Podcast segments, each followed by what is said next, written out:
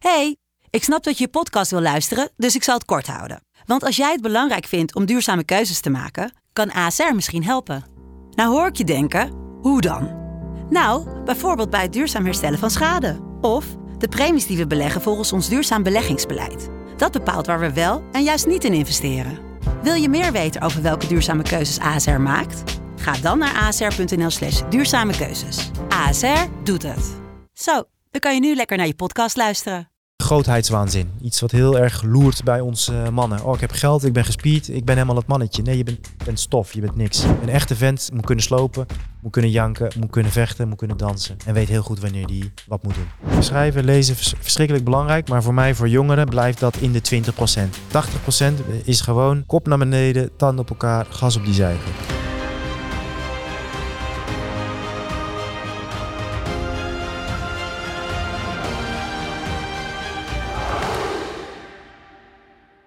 Welkom bij de Lotgenoten podcast in samenwerking met Hard Times United Strong Men. Hard Times United Strong Men is het evenement voor mannen die op zoek zijn naar een plek waar ze opbouwen in plaats van afbreken.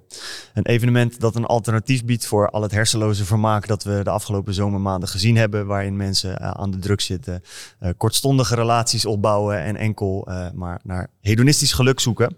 Hier gaat een hele dag, een, in deze locatie, Tates waar we nu zitten, gaat een grote groep mannen een hele dag bouwen aan persoonlijke waarden, verbinden met elkaar eh, en ja, de wereld een stukje beter maken. Mocht je daar nog graag bij willen zijn, zijn er wellicht nog wat tickets. Ik moet zeggen dat ik dat niet precies weet. Jur en Miro zijn druk bezig met de verkoop, maar anders staat dat in de beschrijving. En eh, wij hebben vandaag een hele speciale gast tegenover ons zitten. Tibor, welkom. Dankjewel jongens. Gaaf om hier weer met jullie te zitten. Zeker, insgelijks. We spreken je nu Ja. voor de derde keer. En eh, nou, wederom dankbaar dat je hier vandaag bent. Ik zie mooie dingen van je langskomen de laatste tijd. Ik denk ook dingen die goed aansluiten bij het eh, thema van Hard Times United Strong Men. Zeker. Eh, ja, kort misschien leuk om een update te doen. Eh, de laatste keer dat we hier spraken was in februari.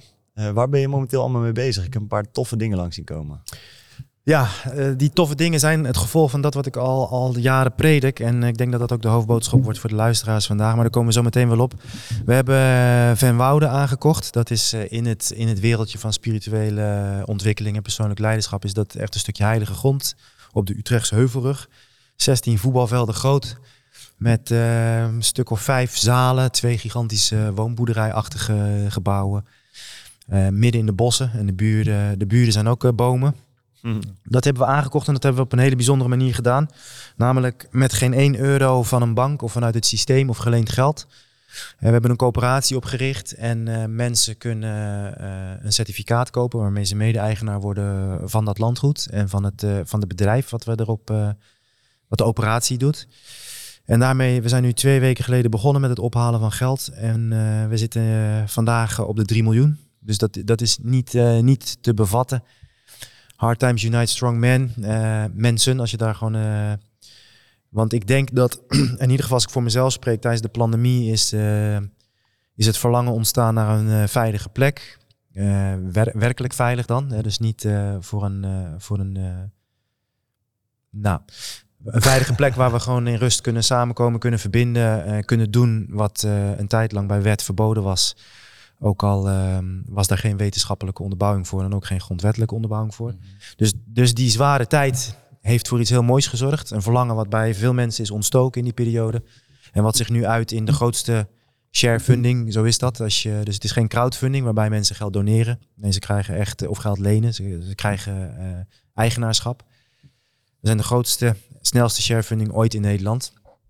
En dan zie je dus wat er mogelijk is als er door zware tijden mensen, de juiste mensen samenkomen. En achter ergens, eh, ergens voor gaan staan of eh, ergens achter voor gaan staan. En dat is waar we nu mee bezig zijn. En eh, 1 september is de sleuteloverdracht. En dan gaat de magie eh, beginnen. Als ik kijk nu welke mensen allemaal eh, geïnvesteerd hebben, eigenaar worden. eh, van Jesse Jazz, om even wat uiterste te noemen, tot Alistair Overeem. Die daar beide bijvoorbeeld dingen gaan doen. Maar ook Joep Rovers, Richard Alet. Dus op het gebied van vitaliteit. op het gebied van vechtsport, business. Het is zo fantastisch hoeveel verschillende mensen daar nu samenkomen. En dan hoop ik dat we daar met z'n allen, inclusief mezelf, maar met z'n allen ja, echt heel veel jaren eh, met z'n allen gebruik van kunnen maken. Een plek waar we kunnen samenkomen, kunnen helen, kunnen groeien als mens, als ondernemer en met elkaar kunnen verbinden. Is, voelt dit voor jou ook een beetje als een soort, om maar een dure term te gebruiken, magnum opus? Een soort van... Levenswerk. ja, ik denk het, uh, zo voelt het niet, maar nu het zegt uh, wel. Het is alleen, en daar moeten we het zo meteen ook over hebben. Dit is zo oneindig veel groter dan, uh, dan ik. Ehm, dat dat eigenlijk niet meer. Het is groter dan een Magnus Opus. Het is groter dan een levenswerk. Ik ben ook echt maar een onderdeel. We zijn zo meteen met 400, 500 man zijn we eigenaar. En uh, ik denk ook dat dat. Uh, dus daar ben ik misschien een beetje te jong mee. Maar dat dat in principe het eindpunt is waar je als man op moet mikken. Dus je, moet eerst even richting bepalen als jong yogi. Dan op een gegeven moment komt er een missie. Die is iets groter dan jij. Maar jij bent, jij bent wel degene die aan die missie werkt. En op een gegeven moment komt er nalatenschap. En dat is gewoon een heel klein radertje wat jij zelf bent in iets veel groters dan jij. En zo voelt, uh, voelt dit ook. Hmm. Dat zometeen drie generaties na jullie nog, hè, jullie zijn de ene mhm. generatie na mij, maar dat die dan nog steeds daar samenkomen, helen, groeien, verbinden met elkaar. Ja man, dat is uh, het mooiste antwoord op duisternis. Uh, is niet wijzen met je vinger, maar creatie van, van meer licht. En dat doe je altijd samen. En zo voelt dat. Ja. ja. Ik vind het mooi. Ik wou wat, uh, bij het begin van deze podcast wat dieper ingaan op de titelverklaring van Hard Times Unite Strong Men. Ja. En ik vind het mooi dat je met dit voorbeeld heel erg ook wel uitlicht dat Hard Times Unite Strong, in dit geval people. Ja. Maar je ziet dat echt. Dus dat er uit een harde tijd, in ieder geval een tijd waarin een hoop niet mocht of kon. Ja. Dat daaruit een behoefte ontstond. Mensen samenkwamen en samen vanuit kracht iets ontwikkeld hebben. Ja, iets gebouwd hebben. Cool.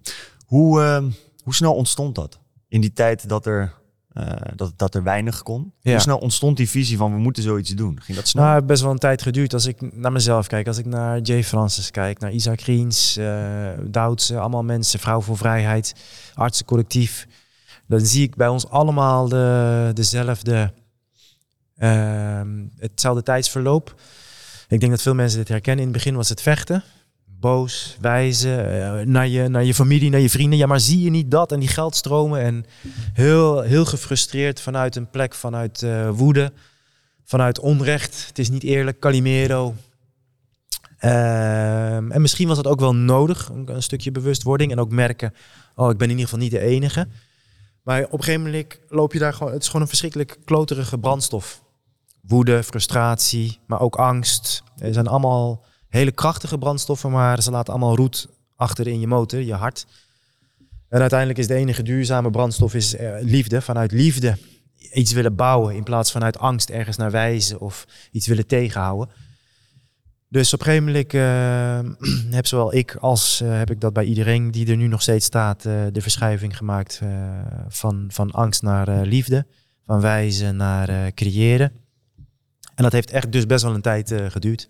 Ik denk echt wel anderhalf, twee jaar of zo. Ja. Is de manier waarop je daarmee omgaat dan ook anders? Dus want je komt er natuurlijk met een bepaalde intentie in, ja. maar de drijfkracht achter die intentie verandert. Ja, dat verandert de intentie zelf dan ook. Nee, dus de, dat zeg je prachtig. Dus de, het enige dat verandert is de brandstof. Maar ik moet wel zeggen, uh, ik diesel rijdt prima op zonne, of prima, rijdt op zonnebloemolie. Als je daar zonnebloemolie, je frituurvet in flikkert, dan start die auto en dan doet hij het. Op de lange termijn doet die auto het niet meer. Kom je dus ook niet meer aan op de bestemmingen waar je, waar je aan wil komen. Dus in principe is het vooral de brandstof die verandert. Uh, alleen dat heeft, dat heeft grote gevolgen. Als, als het jou, ook nu als luisteraar, ik weet niet waar je mee bezig bent. Maar als het nu op dit moment je brandstof is, erkenning, laten zien aan je pa, zie je kan het wel. Of uh, wraak nemen op de pestkoppel van het uh, schoolplein. Of whatever, weet je wel. Je, je brandstof is angst, schuld. Ik zal erkenning, whatever. Je komt er echt ver mee. Maar ik garandeer je dat er gaan gewoon dingen kapot. Eerst in je lichaam, er komt onrust in je kop. Relaties komen onder druk te staan. En zodra je de verschuiving maakt eh, naar de brandstof liefde, blijft in principe je intentie hetzelfde. Maar je zal toch merken dat alles begint te veranderen. Je gezondheid begint te veranderen, je energie ja, je relaties. Ja, en als je betere gezondheid, betere energie, betere relaties hebt, dan, dan verandert je hele leven. Is het erg om eerst die andere vorm van energie te hebben en dan over te gaan naar liefde? Om dan te weten van oké, okay, um, ik heb een vorm van energie. Ik doe nu iets en ik onderneem actie. Ja. Wat een goede vraag stel je altijd. Ik denk zelfs dat het de bedoeling is. Het uh, problemen ontstaan bij disbalans in het leven. Uh, we zijn continu zijn we uit balans, zie je ook in het persoonlijke ontwikkelingswereldje. Hopelijk kunnen we daar zo meteen ook nog even over hebben, over de ayahuasca en de ademwerk. Uh, Hippies die nu, uh, waar we nu weer aan die kant in doorslaan zijn. Maar het leven is een balans. Maar je moet helemaal als vent hoor, maar ook als vrouw, je moet kunnen vechten en je moet kunnen dansen. Je moet kunnen vastpakken, je moet kunnen loslaten. Problemen ontstaan. Eén, als je iets vastpakt wat je moet loslaten. Als je iets loslaat wat je eigenlijk moet, had moeten vasthouden, dan ontstaan problemen. Ehm, en problemen ontstaan als je iets half vastpakt of iets half loslaat. Beide problemen zijn het gevolg van niet kunnen zien wat dus nodig is op dit moment. Die relatie die niet lekker voelt. Al een jaar lang voelt die niet lekker. Ja, hoe komt dat? Omdat ik half vastpak. Omdat ik er eigenlijk met een half been in sta. Omdat ik half loslaat. We hebben allemaal moeilijke gesprekken gehad, maar we laten elkaar ook niet los. Um, dus de kunst is uh, zien wat is er nodig. ik stond gisteren met een jongen te kletsen. En we hadden het over weerbaarheid, zelfverdediging. En hij zei letterlijk, ik ben er niet op ingegaan, het stond op een, in een groepje, dus ik wilde hem gewoon in zijn waarde laten. Ja, ik doe niet aan, aan, aan zelfverdediging of aan vechtsport, want ik hoop gewoon dat er niks gebeurt. Hm. En mijn gedachte was, ja, dat, dat vind ik een onhandige strategie. Dat als je met je meisje over straat loopt en er komen drie jongens aanlopen, dat jouw strategie om je meisje veilig te houden is hoop, weet je wel, is gewoon een onhandige strategie. Even los van of je dan kan vechten, maar dan hoop ik dat er een knopje in je zit wat denkt, ja, dan, dan ga ik maar kapot, weet je wel. Maar, maar mijn meisje, al ben je alleen trouwens, ook voor mezelf, maar ik vecht voor alles wat ik waard ben. Soms is vechten gewoon uh, noodzakelijk, mhm. weet je wel. En, uh, en soms is het het domste wat je kan doen. Ja. Ik heb een hele tijd bij Paradiso, als toen ik jullie leeftijd had, stond ik bij Paradiso aan de deur als uitsmijter. Ik kan me nog, en er stonden ook twee dames aan de deur. En ik kan me nog gewoon heel goed herinneren, toch wel meerdere momenten dat het door mijn gedrag, ja, eigenlijk de enige optie was nog een vechtpartij tussen mij en degene die tegenover me stond. En dan was het even zo'n vrouwelijke interventie eigenlijk. Dan werden allebei onze handen vastgepakt. Weet je wat, jongens, wat zijn nu? Ja, het slaat, slaat ook eigenlijk helemaal nergens op. Ja, uh, groet, respect, klaar. We moeten helemaal niet vechten nu.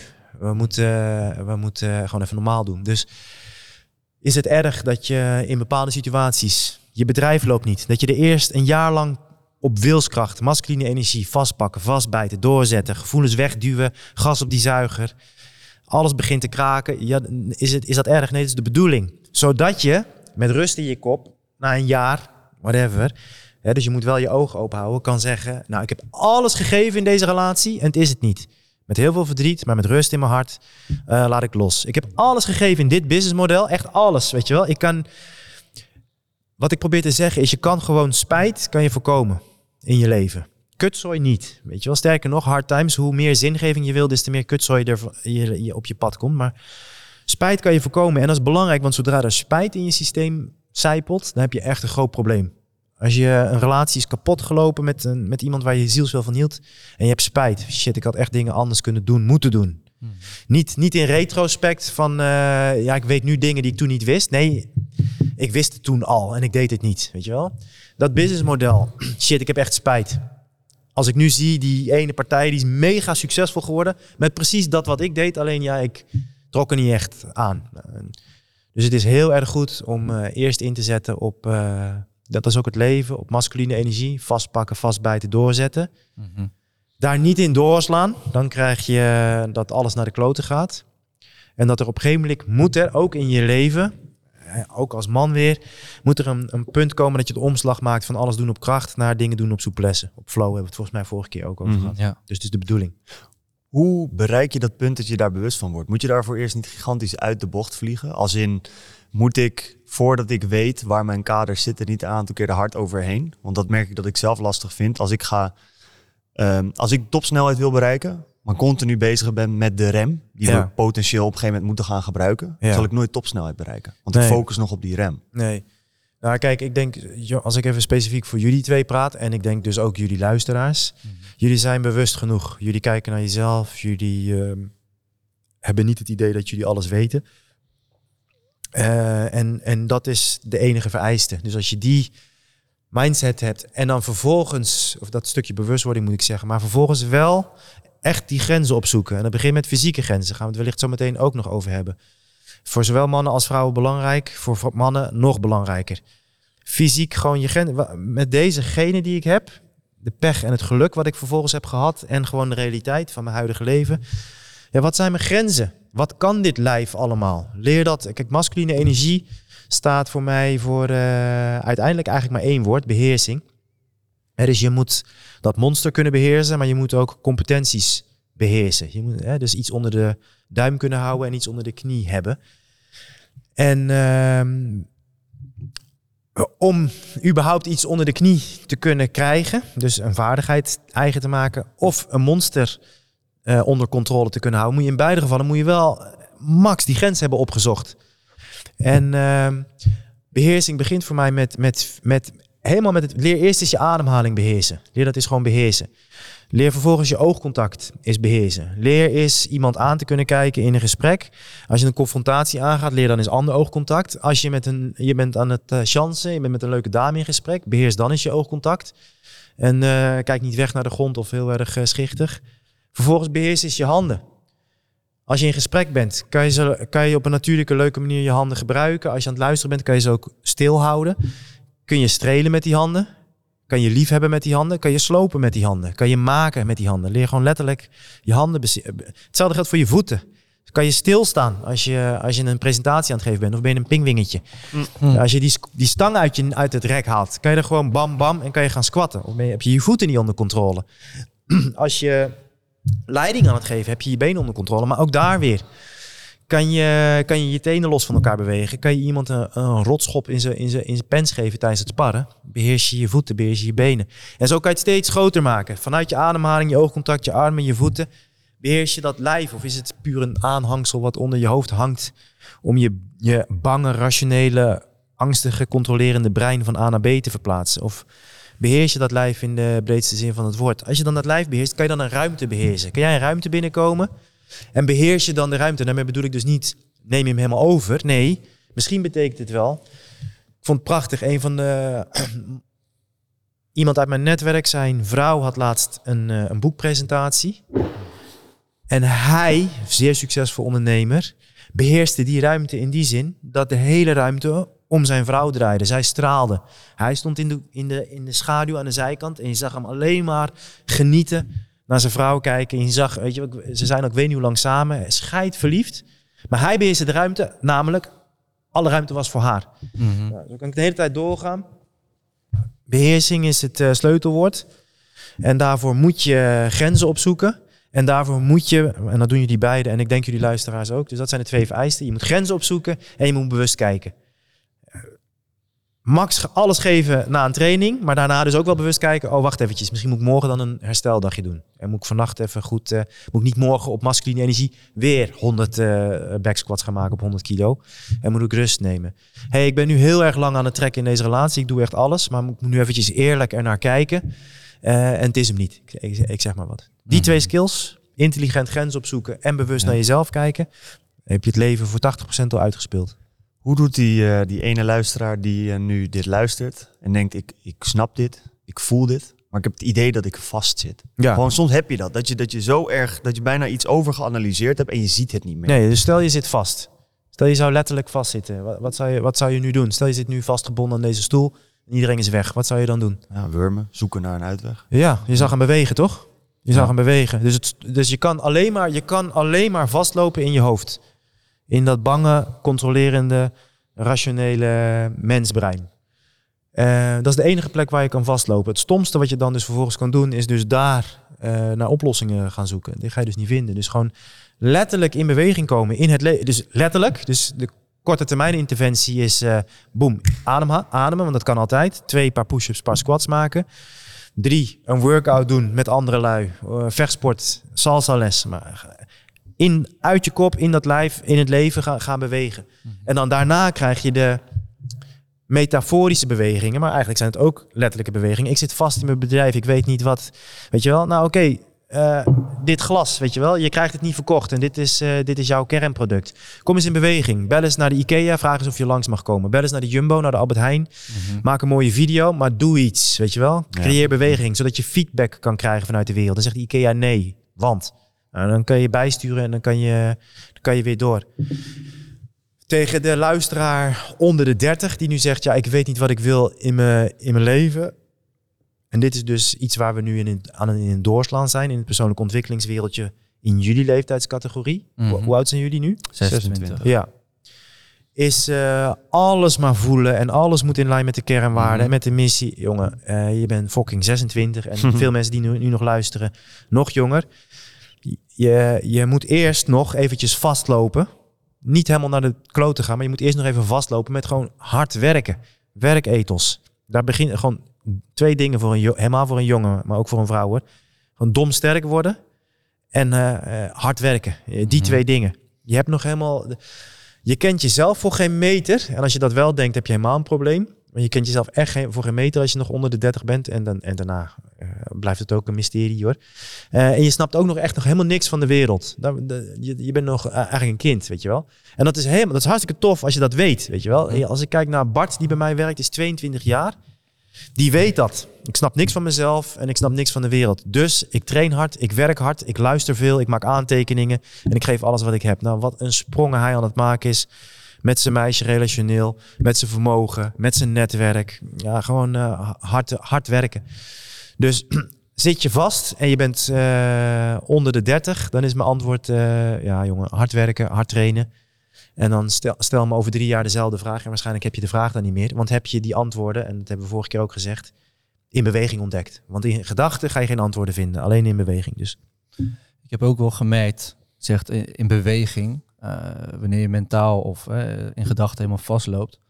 We hebben het er wel eens vaker over gehad. Gewoon letterlijk het, je gedachten uitschrijven. ja In man. je gedachten Ja. ben je aan het overdenken, wat vaak eigenlijk in principe onderdenken is. Je zit in een circulatie van bepaalde gedachten. Door het letterlijk uit te gaan schrijven voor jezelf, Ja, kom je op een punt denk je van, hé, hey, mijn volgende gedachte is eigenlijk het begin van het verhaal. ja, Hoe kan ik dit, dit nou eens gaan omdenken? zeker. Is dat ook iets waarvan je zegt voor luister, dit is iets wat jongeren van tijd tot tijd moeten doen? Zichzelf gewoon ontdekken door te gaan schrijven? Schrijven, schrijven lezen, vers- verschrikkelijk belangrijk. Maar voor mij, voor jongeren, blijft dat in de 20%. Mm. 80% is gewoon kop naar beneden, tanden op elkaar, gas op die zuiger. Ga, ga gewoon competenties bouwen. Ga vaardigheden ontwikkelen. Ga ervaringen opdoen. Ga op je bek. Laat je, ga relaties aan met open hart. En je wordt gekwetst of je raakt verdrietig. Maar als jij... Ik heb een bedrijf en ik loop eh, vast. Ja, hoe lang ben je hier met alles dat je hebt nou al met focus? Één doelgroep, één, één specifiek probleem, één onderscheidend vermogen. Hoe lang ben je hier nou mee bezig? Korter dan drie jaar, dan, heb, dan, dan weten we nog helemaal niks. Mhm. Dus dan heeft het ook geen zin om, om na te denken. Ja, wat is het beste trainingsschema? Welke supplementen moet ik gebruiken? Doe je al, nou ja, ik zou eigenlijk willen zeggen vijf jaar lang, vier keer in de week snoeihard trainen. Eet je voor eh 90% biologisch eh, en biodynamisch vlees, vis, fruit en groenten. Slaap je acht, negen uurtjes per nacht in goede, in goede, goede slaap. Eh, zit je minder dan twee uur op je telefoon. Nou, al, als dat allemaal ja was, oké, dan gaan we het hebben over je trainingsschema en over je supplementen. Maar is het antwoord nee, dan moet je dat eerst vijf jaar gaan doen. Mhm. En dan gaan we eens naar dat, dat geneuzel, want dat is het. Gaan we kijken. Wel belangrijk geneuzel als je al die andere dingen op orde hebt. En je ziet nu de omgekeerde wereld. Dus we grijpen eerst naar de letterlijke poedertjes en hekjes en appjes en filtertjes. Zodat we het werk niet meer hoeven. En daarna gaan we eens kijken, oh, welk werk moet er eigenlijk nog gebeuren. En dan wil ik het liefst zo min mogelijk doen. Eh, De volgorde is eh, andersom. Is dat een beetje ook wat, eh, iets wat je veel ziet gebeuren? Online noemen ze dat mentale masturbatie. Ja, Maar ook, het is afleiding van hetgeen dat daadwerkelijk van resultaat levert. ja. Door, ja, ik neem een ijsbad. Of ja, ik, eh, ik, ga, ik schrijf elke dag mijn doelen op, want ik ga heel veel Exact. geld verdienen. Ja, maar je werkt niet. exact. Dus het is top, maar het Exact. gaat niks doen. Nee, ijsbad vond goed. Ademhalingswerk vond goed. Maar nu zie je ook bijvoorbeeld in die twee werelden, dat is nu mega hip aan het worden. En ik zie ook weer allerlei lui hebben, als ik, het gewoon, als ik gewoon heel eerlijk ben eh, en ongenuanceerd, hebben geen, geen kut aan trauma, traumatische ervaringen meegemaakt in hun leven. Het is niet zo dat ze hun compagnie, compagnie opgeblazen hebben zien worden voor hun eigen ogen, omdat iemand op een landmijn stapte. Het is niet dat ze seksueel misbruikt zijn. Nee, eh, hun vader heeft misschien iets minder vaak ik hou van je gezegd, wat zeker weten invloed heeft op je.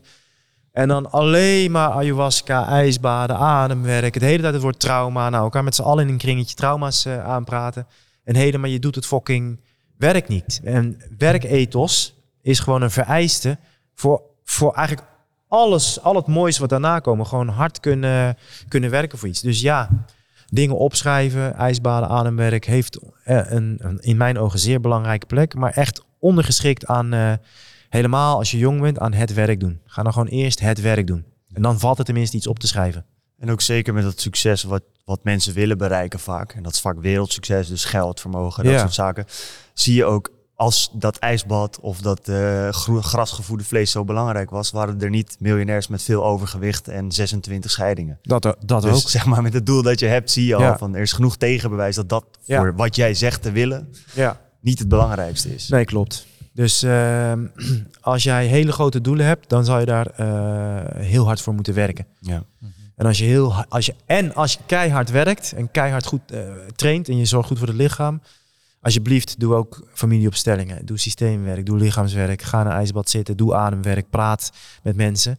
Maar als je niet het werk doet, je traint niet en je doet niet het, het, het, het, zeg maar jouw beste werk proberen te leveren en je gaat wel al die zaken doen.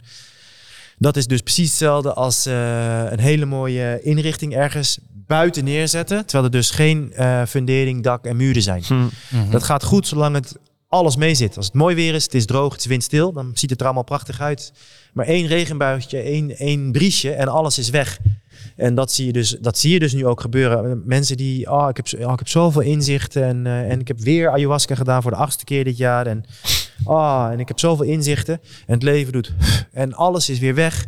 Want er zit een zwak lichaam, een zwakke geest. Maar het allerbelangrijkste, er zijn geen competenties ontwikkeld. Omdat er gewoon heel weinig geleefd wordt en heel veel gereflecteerd Mhm. om, te, om zinvol te reflecteren, om te schrijven, om ademwerk te doen, eh, moet je leven. Dus het leven is geen Excel-bestand, maar wat. En, en, ik weet niet of ik die ook bij jullie in het verleden heb gezegd, maar voor elke 30 minuten die je produceert, dat je podcasts aan het maken bent, dat je je werk, dat je uh, output aan het leveren bent, je gewoon aan het werken bent. Mhm. Nou, doe eh 10 minuten consumeren, podcasts luisteren, boeken lezen, naar trainingen gaan. En doe eh 1 minuut reflecteren. Mm. Nou, richt, zo is je dagen, eh, richt zo is je dagen in. En nu zie je mensen die zijn eh eh 80% van hun dag zijn ze aan het reflecteren. Eh 19% zijn ze aan het consumeren. En eh 1% zijn ze aan het werk. En eh, vragen zich af waarom eh, het allemaal niet gaat zoals ze willen. Is het eh, in praktijk toe te passen door te zeggen van oké, in de ochtend eh, maak ik een planning voor mezelf. Zet ik de taken op volgorde van prioriteit. Dan overdag ga ik in de uitvoerende modus. S'avonds heb ik een uurtje voor mezelf waarin ik wat eh, ga consumeren. Van iemand, eh, eh, strong people, waarvan ik kan leren. En vervolgens aan het einde van de dag kijk ik weer naar mijn planning, wat er is gedaan, wat er is afgerond en wat morgen mijn planning wordt. 100 punten. Is dat gewoon goed? Ik, ik zou hem de avond in de avond maken, dit wat jij nu zegt. Dus in de avond maak je je planning voor de, voor de volgende dag. Mhm. Eh, dan maak je namelijk een betere planning. En, ehm, en niet alleen maar een volgorde in van dat wat je gaat doen, maar ook het inplannen. Dus eh to-do-lijsten werken voor geen meter. En toch maken we ze wel nog steeds met z'n allen. Eh, en plan, plan alles in. En eh, de juiste kaders, de juiste ri- rigiditeit zorgt juist voor heel veel vrijheid. Dus als jij die, eh, dat interview van Andrew Tate bij Piers, hoe heet die, Morgan... eh, Piers Morgan. Eh, morgen, ja. je wil daar kijken en dan kijk je, ah, dat duurt anderhalf uur. Nou, ik ga vandaag, ik ga morgen van 1 tot kwart voor 2 ga ik drie kwartier kijken en overmorgen eh, de volgende drie kwartier. En ik ga van 9 tot 10 met een vijf minuten pomodoro pauze halverwege.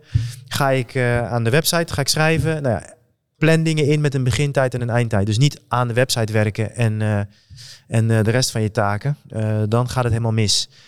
Dus plan dat in. Als het goed is, heb je ook je workout ingepland. Heb je een relatie, dan heb je ook je relatie ingepland. Oh, wat, oh ik wil niet zo rigide leven. Je krijgt daar dus ontzettend. Je moet niet elke minuut inplannen. Bijvoorbeeld tot vijf uur zou ik zeggen. Dan is het eh, klaar. Maar misschien heb je in vijf uur, als je kinderen hebt, heb je wel je kinderen één keertje een kwartiertje ingepland. Dan ga ik, flikker ik alles aan de kant. Want ik weet, dan komen ze uit school, whatever. En dan ben ik een kwartier lang met al mijn aandacht als vader of als moeder, ben ik bij mijn kinderen. Of ik weet, dan komt mijn partner komt thuis. Zodra ik die, die, die deur open hoor gaan, ik flikker al, meteen. Meteen. Mijn partner mag nooit binnenkomen terwijl ik zeg, hé hey schat, ik kom eraan. Dan, weet je wel, heb dat gewoon als ijs. Flikker Mhm. alles aan de kant. Ingepland. Ehm, en wat levert je dat op? Een leven met ontzettend veel ruimte en vrijheid. Ruimte, eh, vrijheid en vermogen op je bankrekening, vrijheid in je agenda, vrijheid in je relaties. Als je dan een keertje tegen je partner zegt: hé, hey, ik, ga, ik ben er een week niet, want ik wil dat project doen. Dat kan dan, want je hebt zoveel opgebouwd. Mhm. Terwijl doe, ah, ik, wil al die, eh, ik wil al die rigiditeit en al die regels en al die kaders wil ik niet. Ik wil lekker vrij zijn. Nou, wat doe je dan? Eh, je eindigt met, eh, met heel erg veel beperkingen. Dan zeg je tegen je partner op een gegeven moment: Ik wil even een week weg, want project, vakantie met maat of whatever. Nou, maar je bent, je bent altijd aan het werk. Je bent er nooit. Dus die ruimte geef ik je niet. Ehm, je stopt nooit op tijd met werken. En dan zegt je lichaam op een gegeven moment: Nou, ik zet jou eventjes vast. Ik zet je rug vast. en je zit altijd op een stoel. Nou, dan maak ik een stoel van jou. Dus planning uh, eh, 100 punten, avond van tevoren. En een begintijd en een eindtijd van, uh, van elke taak. En plan niet alleen maar je werk in. Sterker nog, begin met je relatie en je gezondheid in te plannen. Mhm. En je dierbaren. En in de ruimte die overblijft, plan je je werk in. Dan uh, een vraag daarop uh, aansluitend. Tegenwoordig wat super populair is en waar 100.000 YouTube-video's over te vinden zijn, is een uh, ochtendroutine. Hmm. Ook van elk succesvol persoon. Dus van een Andrew Tate of een Andrew Huberman of een andere Andrew. Um, tot welke mate moet je dit volgen? Wat is er belangrijk in de ochtend om je dag goed te beginnen? hoe lang moet dit zijn? Hoe kort moet het zijn? Ja, Nee, het is, het is een vraag en een antwoord die vooral voor afleiding kunnen zorgen. Dus mijn antwoord blijft hetzelfde.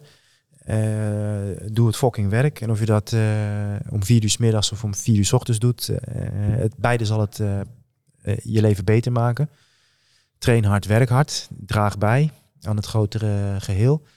er wordt dan aan de beste schrijver gevraagd welke pen gebruik jij om te schrijven. irrelevant, hij schrijft vier uur per dag. En weet je wat hij doet als hij geen zin heeft? Dan schrijft hij ook. Hetzelfde geldt voor die ene uh, waar je heel erg tegen opkijkt.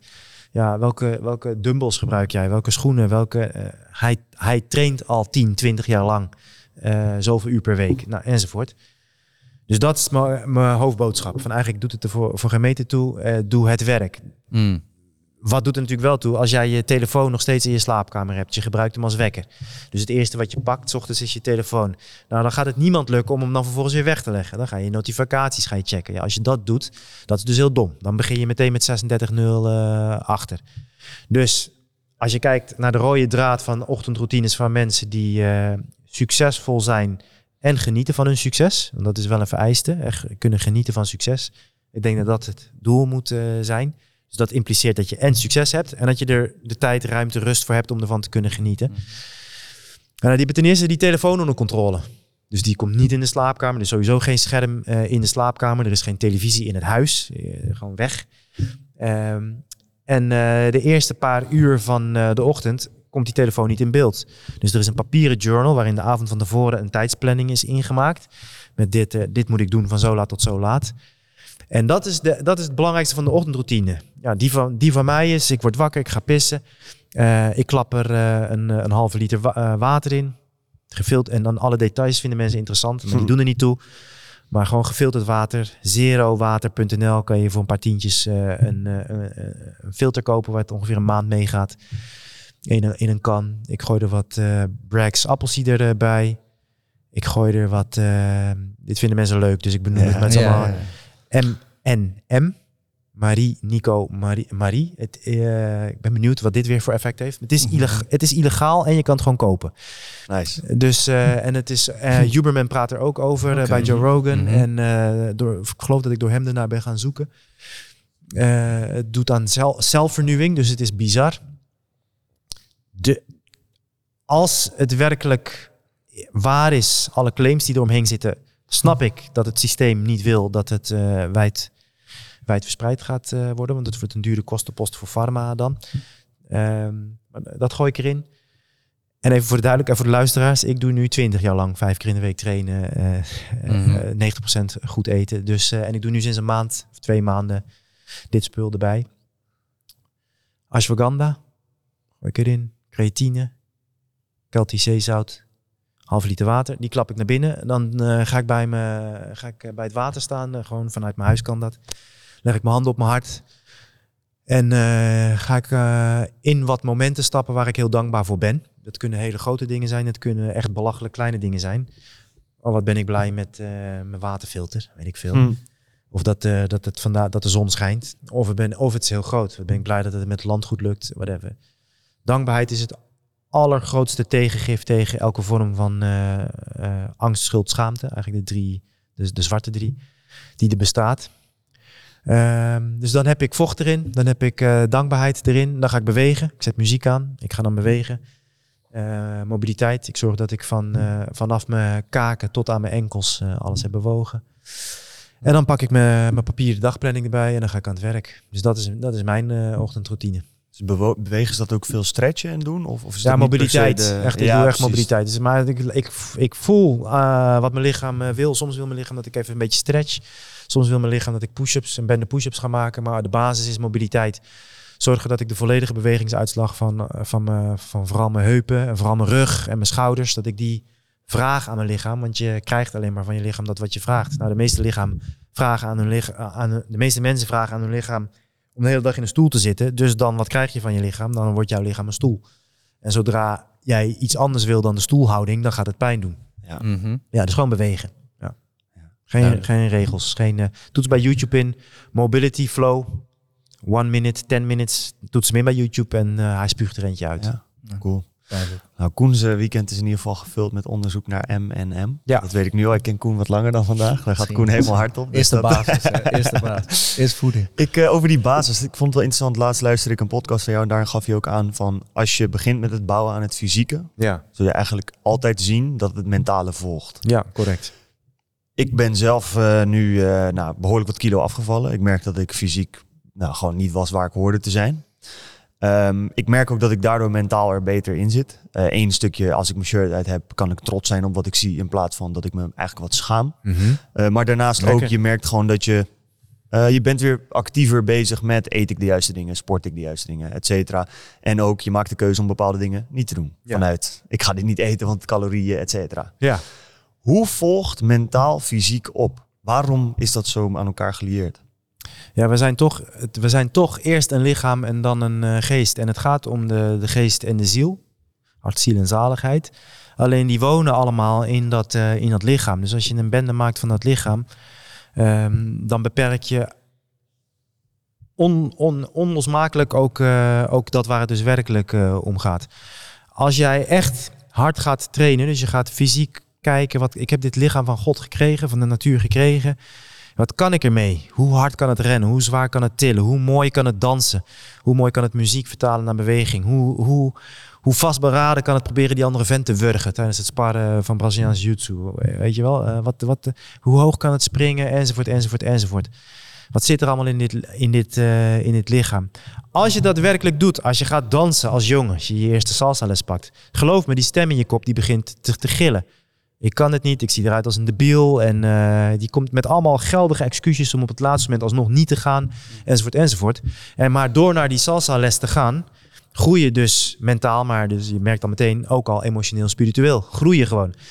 Als je die stang in je nek legt en je maakt vandaag vijf herhalingen met 100 kilo. En die vijfde was echt, nee, nou ja, weet je wel, naar beneden dat gaat altijd. Maar omhoog, het was een vechtpartij.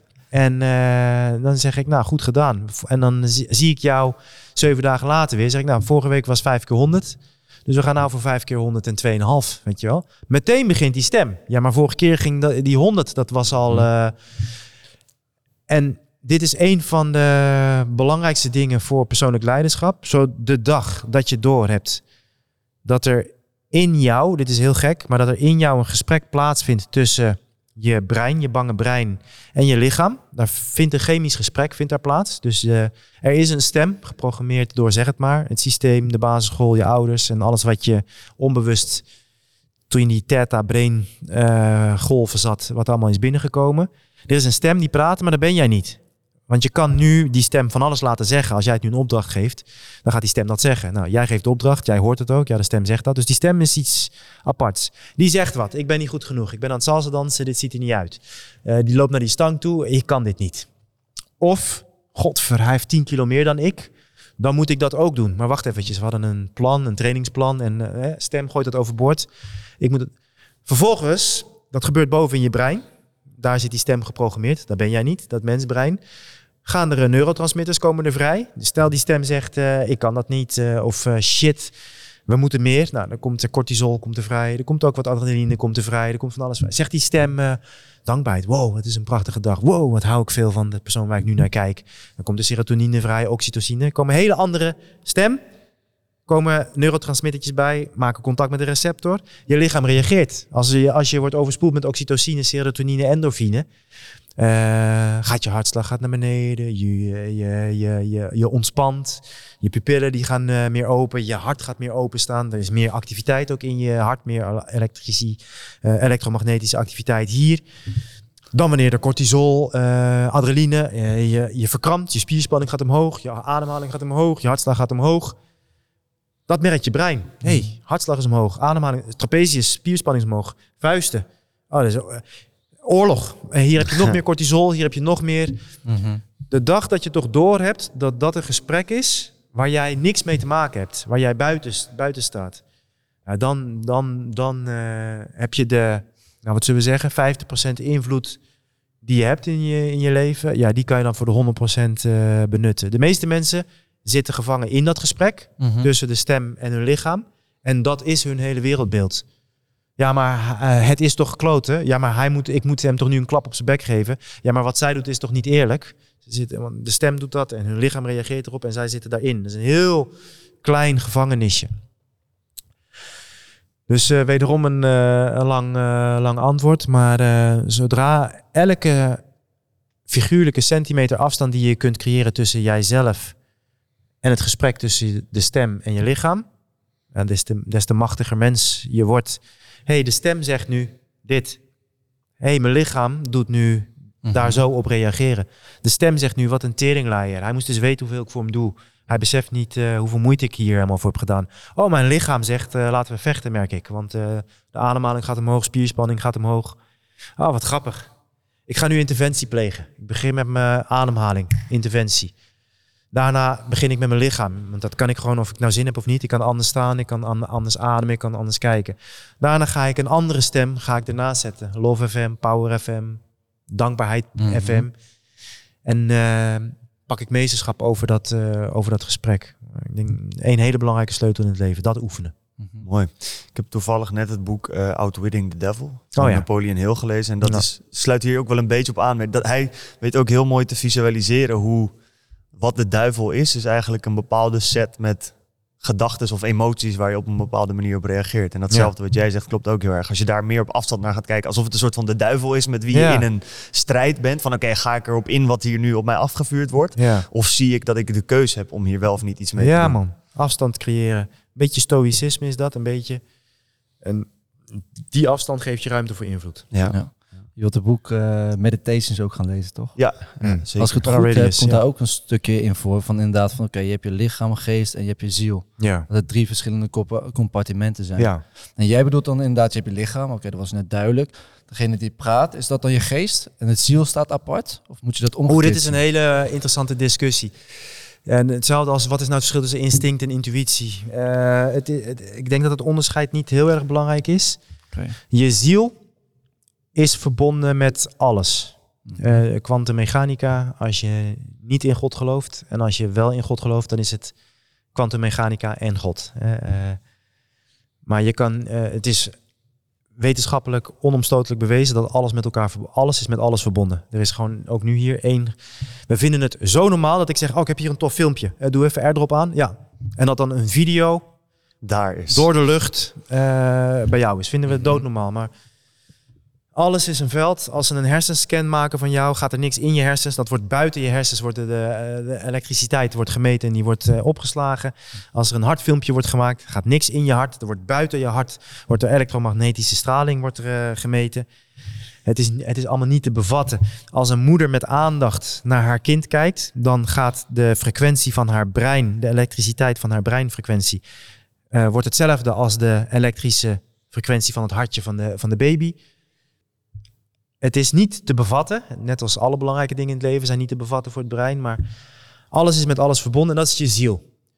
Dus daarom word je ook in je ziel onrustig in bepaalde situaties, terwijl je brein het nog niet kunnen begrijpen, omdat je ziel dus iets weet wat je brein niet kan weten, want het is daar gebeurd of het is, uh, nou dat is, maar het is wel in het uh, hier en nu. Uh, je geest is alles wat ook voor jou is gebeurd. En, uh, maar dan heb ik het dus ook over uh, misschien wel wat je overgrootvader is overkomen. Kijk, we vinden het heel normaal dat wat je, als jij kinderen hebt, ben je er dan van overtuigd dat jij jouw trauma's, maar ook je overwinningen en dat waar je dankbaar voor bent, dat je dat doorgeeft op een manier aan je kinderen. Dan zegt iedereen, ja, tuurlijk, weet je wel, eh, dat geef je door. Nou, dus jouw opa heeft zijn trauma's doorgegeven aan jouw vader. Zijn, jouw overgrootvader heeft dus, jouw vader, jij bent dus beïnvloed door de zelfmoord van de vrouw van je overgrootvader. Zeg maar, ik zeg maar wat. Onbewust. Ja, dus dat, dat heeft, uh, heeft invloed uh, op jou. Dit zie je dus bijvoorbeeld terug dat, ik pak nu even één heel stom voorbeeld. Een kind wat helemaal van vier, wat nog nooit is verlaten, wat helemaal geen enkele trauma heeft meegemaakt, maar die raakt tien seconden zijn moeder kwijt in de supermarkt. Elk kind van vier uh, raakt dan in paniek. En nogmaals, dit is misschien semantiek. En dat is niet zijn ziel die me in paniek uh, brengt. Zijn ziel zal eerder zeggen, alles is goed, lieverd. Nee, het is zijn geest. Want in het verleden zijn er zoveel kinderen verlaten door hun ouders. Dat specifieke kindje niet, maar in het verleden. En dat zit in zijn instinct ingebrand. Mm -hmm. Levensgevaarlijk als je ouders weg zijn. Uh, een beetje een filosofisch uh, antwoord. En ja, wat is precies het verschil? Maar dit is in ieder geval een, een verschil wat je tussen geest en, en ziel. Bij ziel ligt veel meer de nadruk op het veld. En bij geest veel meer op je systeem achter je. Ja. Het is wel interessant. Ja. Ik had het hier laatst met vrienden ook over. We hadden het, uh, het veel over, gewoon over het geloof. Ik ben niet direct gelovig, maar ik ben de laatste die zou zeggen dat ik atheïstisch ben. Mm -hmm. Um, maar toen had ik het er eigenlijk ook over. Ja, er zijn heel veel mensen die het daarover hebben van geloof je, geloof je niet, is er een energie, dit, dat, zo, zo. Maar je had net kwantumfysica uh, bijvoorbeeld aan. Ja. Het is eigenlijk ook interessant dat een heel groot deel van de mens helemaal niet weet wat er ten grondslag ligt aan het zijn van de mens. Dus wat je Ja. bijvoorbeeld net benoemd hebt van een Ja. ziel. Iedereen weet wel, ja, ik heb een ziel. En als je dood bent, nou, wat, wat gaat die ziel dan doen? Hè? Dat, is, dat is de vraag. Maar eigenlijk weet niemand echt het werken van die ziel. Nee, en het valt dus ook niet te bevatten. Terwijl heel veel dingen weten we nu. Harttransplantaties. Dus we weten nu dat er een brein zit in onze maag eh, en in ons hart. Er zit letterlijk eh, eh, cellen, breincellen, laat ik het zo zeggen, zitten daar omheen. Nou, er zijn nu, het blijven anekdotische voorbeelden, maar inmiddels heel erg veel van mensen die een harttransplantatie hebben gehad en vervolgens herinneringen hebben van degene van wie het hart was. Met een van de meest opvallendste is een moordzaak die is opgelost, omdat eh, een kind kreeg een hart van een eh, meisje, wat was eh, overleden, in een onopgeloste moordzaak. En die begon, dat kindje met dat nieuwe hart, begon nachtmerries te krijgen. Het, continu dezelfde nachtmerrie van een man die binnenkwam. En, nou ja, eh, en dat eh, werd verteld aan de, aan de politie. En op basis van die dromen is de verdachte aangehouden. En uiteindelijk helemaal bewezen, ook met DNA-materiaal, dat, eh, dat hij de verdachte was. Dit zijn allemaal van die dingen. We kunnen niet, als je dat gaat proberen te begrijpen met je hersenen, dat lukt niet. En nogmaals, de, de belangrijkste dingen in het leven kunnen, kunnen, kan je niet begrijpen met je hersenen. En zijn, niet ook, zijn ook niet te vatten. Zijn ook niet, liefde is niet te vatten. Zingeving is niet te vatten. weet je wel? Maar eh, het klopt helemaal wat je zegt. We snappen er eh, geen meter van. En ik denk dat juist een, een deel loslaten van het willen snappen... de deur openzet voor de magie, de werkelijke magie eh, van het leven. Alles is met alles verbonden. En we hebben het allemaal ervaren. Ook met hard times op die, op die dagen ervaren we het. Je bent daar even met 200, 400, 800 paks. Allemaal verschillende. Iedereen heeft zijn eigen stress en shit. Maar daar in dat moment zijn we met z'n allen zijn we één. En de, de magie, de rust, de kracht die je dan voelt. Je denkt, wow, wat is dit bijzonder. Nee, dit is er dus de hele tijd. Hm. Alleen zodra de geleide meditatie, de HK stopt, wat doet dan iedereen weer? Oh ja, en mijn telefoon en ik moet dat doen en ik moet dat doen. En we gaan uit, met onze ziel stappen we dus uit het veld. Gaan we in ons hoofd zitten. Volledig eh, afgesloten van, eh, van alle magie. Ik denk dat het ook vaak komt omdat men bang is om te ontdekken wat ze al jaren niet hebben gezien. Ik had laatst een gesprek met iemand ook over... Ik ben eindelijk in mijn eentje in een huisje gaan zitten. Daar hadden we Ah het in de vorige podcast over. Dat heb ik toen heel lang uitgesteld. En een van de grootste dingen die ik daar ook wel beseft heb... is dat ik zoek continu afleiding om maar niet geconfronteerd te worden met jezelf. Ja, man. En ik dacht daarin van, nou dat is echt wel... Weet je, hoe kan je nou cool zijn met wie dan ook in het leven... als je niet met jezelf bent? Ja. Dat was iets wat ik besefte, maar toen dacht ik van ja, dat zal wel voornamelijk voor mij gelden, of dat was mijn besef. Maar toen heb ik best wat mensen gesproken en je ziet eigenlijk dat er heel veel mensen, in ieder geval op dat ja, ik ga een weekend alleen zitten. Oh, dat zou ik nooit doen. Ja. Nee, je kan helemaal niet alleen zijn. En dat is best wel heftig als je beseft dat er zoveel mensen zijn. Dus wat je zegt, op het moment dat je voelt dat er een verbinding is die misschien verder gaat dan hoe we hem meestal voelen. Ja. Of een inzicht dat verder gaat dan wat we meestal hebben. Dat we Ja. daar dan eigenlijk gelijk ons van afkeren en op zoek gaan naar de bekende afleiding. Zeker. En ook gewoon wegrennen voor pijnlijke waarheden. Dat zie ik ook eh, continu. Dus eh, of dat nou gaat om in de business coaching, dat mensen bijvoorbeeld coaching zoeken waarbij ze in ieder geval alles kunnen doen, behalve hun jaarrekening en balans op tafel leggen. Eh, waardoor iedereen kan zien, het is één grote kutzooi. Je draait wel eh, zoveel miljoen euro omzet, maar eh, het valt er aan alle kanten weer uit. Mensen willen personal training doen, fitness, wat tot mooie foto's leidt, maar alles behalve ehm, echt keihard trainen. Of echt, of, eh, of gewoon goed leren bewegen. Dat, ah, dat gedoe, weet je wel, dat, eh, dat wil ik niet. Ik wil gewoon bicep curls kunnen maken. En eh, calorieën tellen en een dieet doen, zodat ik er mooi uitzie op, op Instagram. Je ziet dat mensen ook continu dus ja, wegrennen van alles wat van duisternis, alles wat vervelend is. Het vervelende is dus alleen dat al het goud wordt bewaakt door een, door een draak. Altijd. Dus als jij continu wegrent voor alle draken in je leven, ja, dan eh, moet je het inderdaad doen met, eh, met de restjes van het leven. Maar je gaat nooit bij jouw eigen en bij het goud eh, uitkomen. Ja. Tibor, ik ben wel, wel benieuwd. Hè? We, zijn, we hebben het natuurlijk over Hard Times United Strong Men. En we hebben het veel gehad over verschillende eigenschappen of dingen die je kan doen om jezelf als mens te ontwikkelen. Hoe zou jij een strong man in deze tijd typeren? Eh, ja, vrij simpel. Een vierde, vierde eenheid, dus afhankelijk van je leeftijd. Als die jong is, dan is die dom sterk. Heeft hij werkethos. Dus hij is vakkenvuller op zijn achttiende wat mij betreft. Maar eh, hij is er als enige altijd een kwartier te vroeg. Hij is als enige, heeft hij altijd zijn shirt gestreken, zijn polootje gestreken. Als enige maakt hij continu contact, oogcontact met eh, het winkelend publiek. Begroet hij ze, maakt hij een praatje. En eh, die stellingen hebben er nog nooit zo strak bij gestaan. Weet je wel, alles, alles klopt. Dus hij is domsterk, hij werkt hard. Hij investeert in een netwerk, meer, want hij heeft zelf nog niet zoveel te brengen. Dus, of, dus, dus hij investeert echt. Hij eh, onderhoudt contacten. Hij, hij houdt een lijstje bij van eh, mensen die hij tof vindt wanneer ze jarig zijn, wanneer een boek van hun uitkomt en daar investeert hij in. Dus domsterk, werkethos, netwerk. En hij is afgeslagen in het, in het leven. Hij heeft richting bepaald. Ik, ik eh, wil op een dag franchise manager worden bij de McDonald's. Dus nu ben ik burgerflipper bij de McDonald's. En over een half jaar kan ik die ene opleiding doen. Dan ben ik eh, eerste medewerker, dan ben ik manager. En dan kan ik, eh, zoveel, kan ik dat twee jaar doen. Heb ik genoeg geld om een franchise te kopen. Ik zeg maar wat. Waarschijnlijk over tien jaar moet hij daar, kijkt hij daarop terug en denkt hij, wat was ik toen dom, weet je wel. Dat is totaal niet wat bij me past. Ik vond het helemaal niet leuk. Maar hij- daar is hij achter gekomen omdat hij is afgeslagen. Hij is ervoor gegaan met dat werkethos, met dat netwerk. Hij is dus ook in zijn netwerk. Wie is franchisehouder al bij McDonald's? Wie kan ik contacten? Wie, bij wie mag ik dan gratis? Ga ik één dag in de week naast mijn eigen baan? Ga ik gratis één dag in de week in zijn McDonald's? Als hij werkt, ga ik vragen, mag ik dan met je meelopen? En alles schoonmaken, whatever. Zodat ik van je kan leren, netwerk.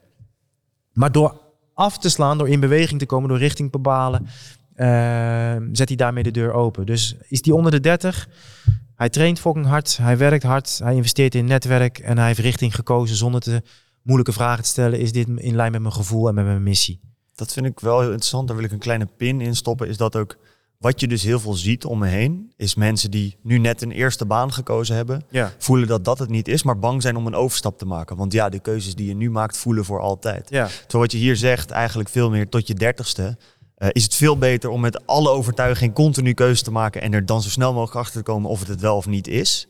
Dan wat je voor mijn gevoel nu veel ziet. Is dat mensen of juist heel erg wachten met keuzes maken. Ja. Of halfbakken een keus maken en dan zoiets hebben van ja, als ik nu nog ga veranderen, dan eh, kom ik straks in de problemen. ja, je moet het wel intelligent doen. Maar ja, mijn standaardvraag vra- is altijd: ja, ik, ik zit vast in mijn relatie. Oké, heb je de afgelopen drie jaar met al je aandacht alles aan gedaan? Nee. Nou ja, begin is met een begin is op zijn minst een half jaar met al je aandacht erbij te zijn. Anders waar hebben we het eigenlijk over? Ja, ik loop, ik zit niet lekker op mijn werk. Oké. Heb je drie jaar lang richting bepaald? Ben je boeken gaan lezen? Ben je naar trainingen gegaan om fucking goed te worden in je werk? Werk je keihard, weet je wel? Doe je echt je best? Praat je met je baas, met je medewerkers, enzovoort, enzovoort. Nee, ja, waar hebben we het dan over? Dus helemaal inderdaad als je jong bent. ehm, nou, zijn dat dus de, de vier vereisten voor mij. eh en specifiek eh, strong man. Nou, ben je domsterk, dus kan je gewoon deadliften, eh, train je. Ni- niet, eh, niet slim sterk, maar ben je gewoon domsterk, werk je hard, investeer je in een netwerk en dan ben je afgeslagen. ben je tussen de 30 en de 40, dan moet alles een niveautje geüpgrade zijn. Ik doe nou alsof het leven een Excel-bestand is, is het Mhm. niet. Dus voor iedereen moet kijken, ah, ik zit nu in die fase. Je moet een slimme kracht zijn geworden. Dus je, bent nog steeds, je gebruikt je kracht nog steeds, maar je gebruikt hem steeds slimmer. In je, in je vechtsport, in je fitness. Je kan ook olympisch gewicht heffen. Ik zie jongens, laatst ook weer, echt met zulke biceps en pecs komen ze binnen. Maar ze kunnen niet een dumbbell van, van letterlijk van 16 kilo eh, eh, boven hun hoofd snatchen. Omdat het allemaal losse onderdelen zijn die totaal niet met elkaar kunnen communiceren. Ben je slim sterk geworden? Eh, dat werkethos moet zich vertaald hebben in competenties. Je moet gewoon fucking goed zijn in dat. Jullie moeten over een jaar of vijf gewoon de koningen zijn van podcasten en die hele wereld en alles wat erbij komt kijken. Niet alleen maar verstand hebben van de hardware, maar het netwerk hebben opgebouwd, eh, er goede verdienmodellen aan hebben gekoppeld. Werkethos leidt tot, eh, tot competenties. Dat netwerk, sterke man hebben we het over, moet zich vertaald hebben in broederschap. Dus mannen die recht van spreken hebben en jou dus ook aanspreken. Als, eh, als jij eh, morgen niet op de training komt, zou jij dezelfde dag nog drie gemiste oproepen moeten hebben of berichtjes van jongens die zeggen waar de fok was je. En eh, volgende dag moeten ze bij je aan de deur staan, broederschap. Waar je ook alles aan kan vertellen. Ik zit helemaal niet lekker in mijn vel, waar je bij kan janken.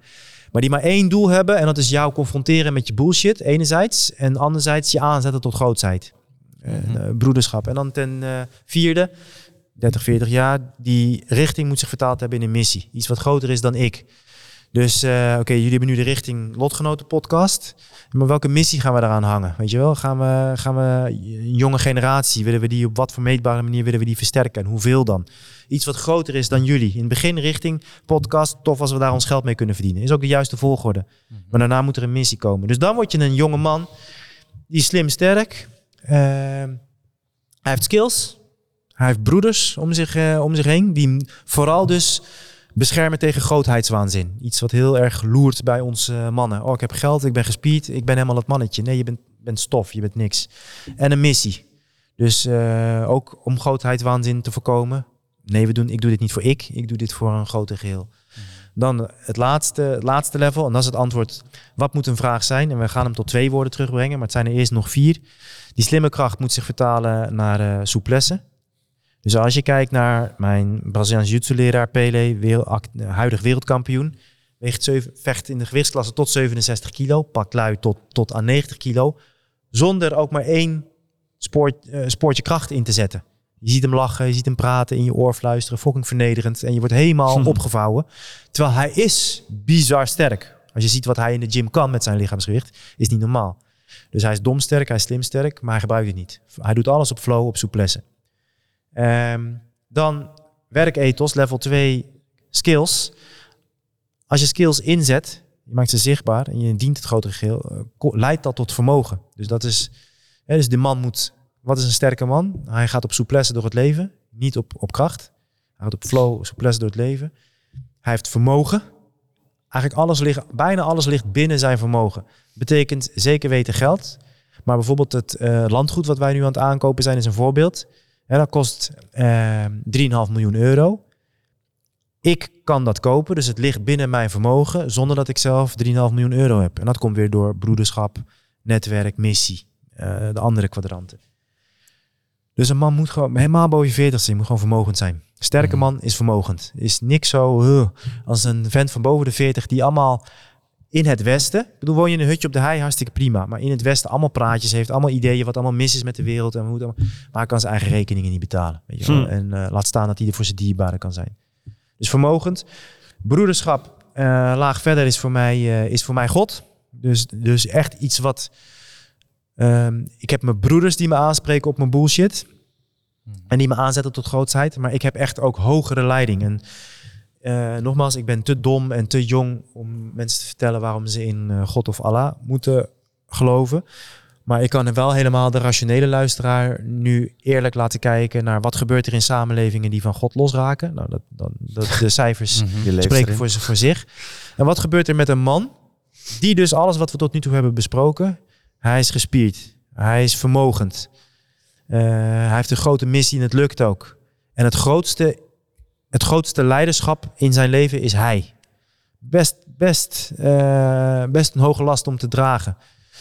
Dus een, een hogere leiding. Voor mij is dat eh, God. Als mensen zeggen, ja, ik geloof in iets anders of whatever. Oké, als je daar maar wel dus actief mee bezig bent. om, om die leiding dan op te zoeken en, eh, en te ontvangen. En dan uh, tenslotte, eerst richting. Dat wordt een missie en dat moet nalatenschap uh, worden. Dus dat is zo oneindig veel groter denken dan jezelf. Dat je dus denkt op een niveau waarbij jij dus op een gegeven moment er niet meer bent. Maar dat werk van jou er nog steeds voortleeft. Nalatenschap. En nalatenschap is niet iets wat je achterlaat aan anderen, maar iets wat je achterlaat in anderen. Nou, hoe vet is het als je als man in anderen na jouw dood dingen hebt achtergelaten die, uh, die voortleven. Dus een sterke man gaat op souplesse door het leven, is vermogend, heeft hogere leiding, onderwerpt zich aan hogere leiding, uh, is nederig aan hogere leiding en dient het grotere geheel. En, uh, en dient het grotere geheel, nalatenschap denkt, is met zijn werk zoveel groter aan het denken dan ik, dat het zelfs zonder hem voortleeft. Breng je dat terug tot twee woorden. Betrouwbaar vermogen.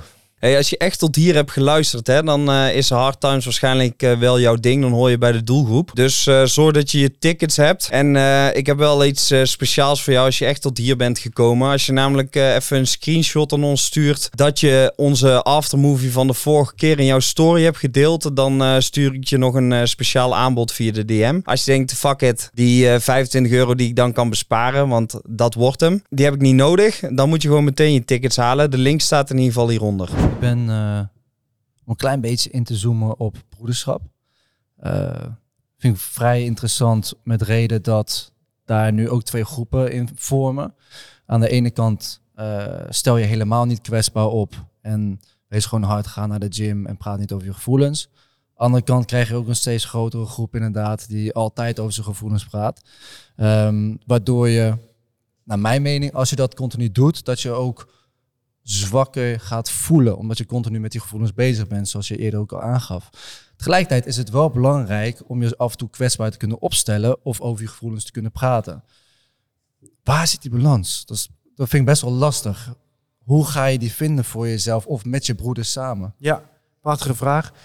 Ja, de balans uh, is vrij duidelijk. Dus de, de nat natuur en ook uh, eigenlijk alle religies geven, geven het antwoord. Maar even voor de duidelijkheid, zeg maar keihard werken, keihard trainen, daar vlieg je net zo makkelijk uh, hè, Icarus. Mm. Je gaat kapot richting de zon, daar ga je kapot. Alles, op, alles omhoog, alles richting succes, status, licht.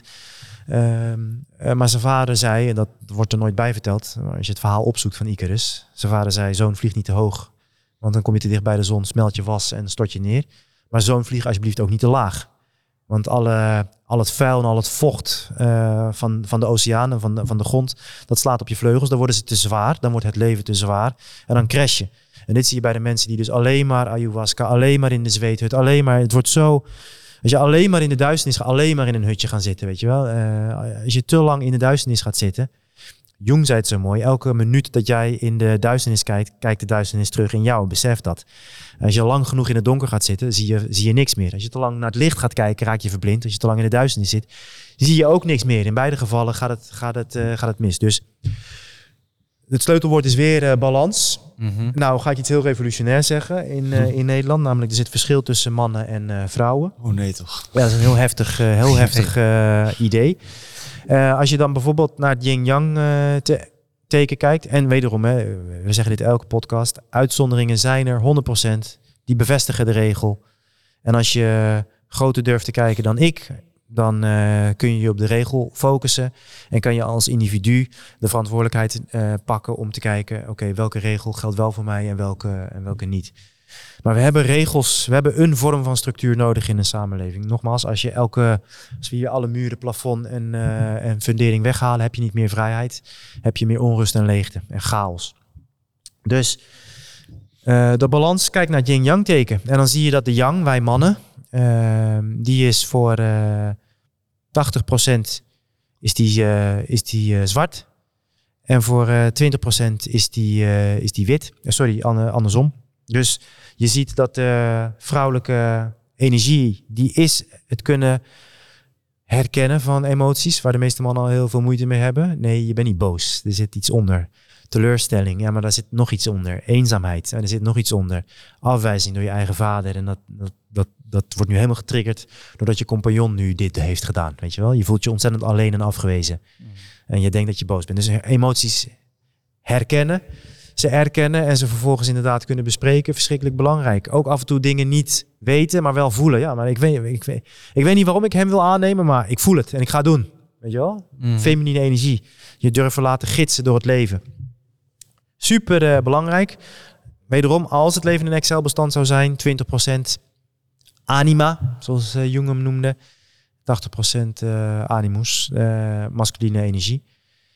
En eh, check dit bij jezelf. Weet je wel, hoe, wat, eh, wat de verhouding eh, bij jou is. Maar in de basis, hard trainen, hard werken, netwerk opbouwen, richting het niet weten en toch richting afslaan. Mhm. Dus ik, wil, ik weet niet, ja, ik weet niet zeker jongens wat daar links om de hoek of dat wat voor mij is. En dan kan ik hier heel lang in mijn journaltje gaan schrijven en heel veel ayahuasca gaan drinken.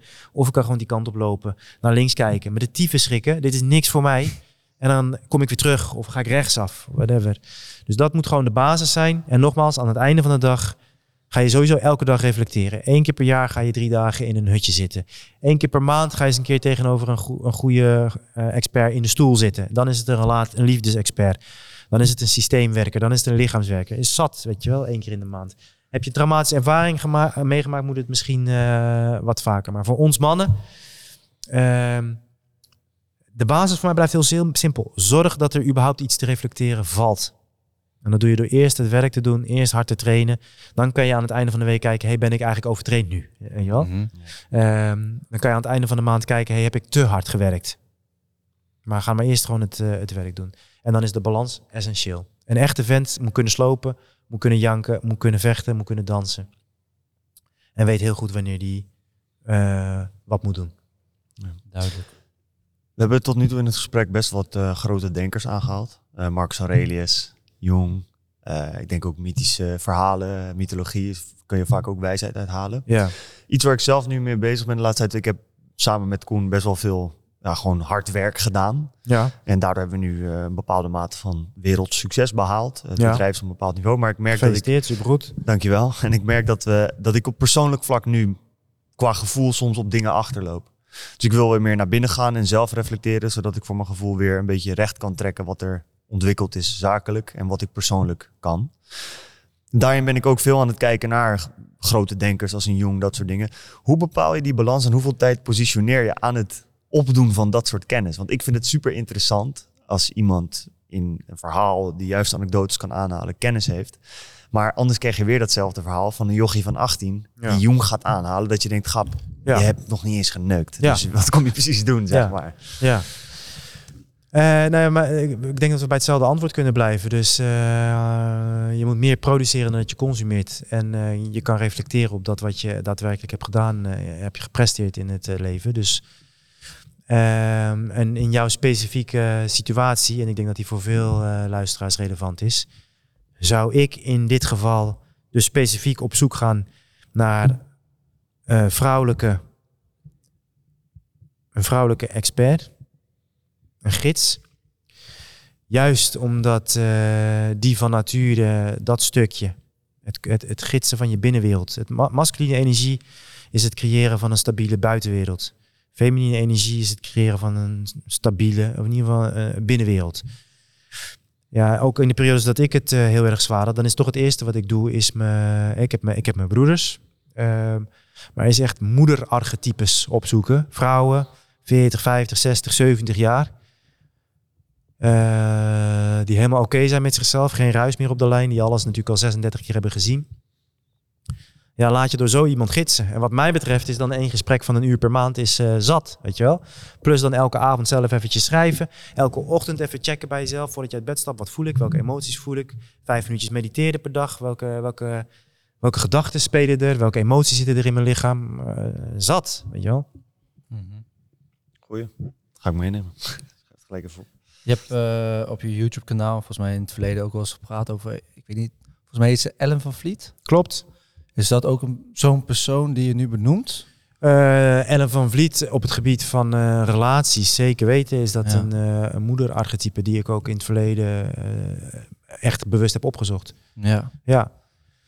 Ah, in het algemeen en voor, voor vrouwen is dit zelfs nog belangrijker dan voor ons. Om, als je de Heroines Journey, eigenlijk verplichte kost voor elke jonge vrouw, de heldinnenreis, ik geloof dat die ook vertaald is in het Nederlands, van Maureen Murdoch. Daarin, is het, daarin lees je dat het echt essentieel is voor een eh, jonge vrouw om eh, ten eerste los te komen van haar moeder, de navelstreng eh, door te knippen. Maar vervolgens een moederarchetype te zoeken en daarmee te verbinden. En daarmee op een tot, waardoor je op een totaal nieuw niveau opnieuw met je moeder kunt, kunt verbinden. En zo de relatie kunt, eigenlijk kunt versterken en, en, en, en, en een nieuwe dimensie kunt geven. Het opzoeken van, eh, van vrouwelijke archetypes in, gewoon in de aardse wereld is, is echt verschrikkelijk, eh, verschrikkelijk belangrijk. Ja. Ja. Die hoor je niet vaak. Nee, daarom. Daarom is die ook goed belangrijk om, eh, om te benoemen. Ja. Heb je dat je, want er zijn natuurlijk nu duizend experts die opstaan inmiddels. En online heeft bijna iedereen een podcast, voor mijn gevoel. Ja.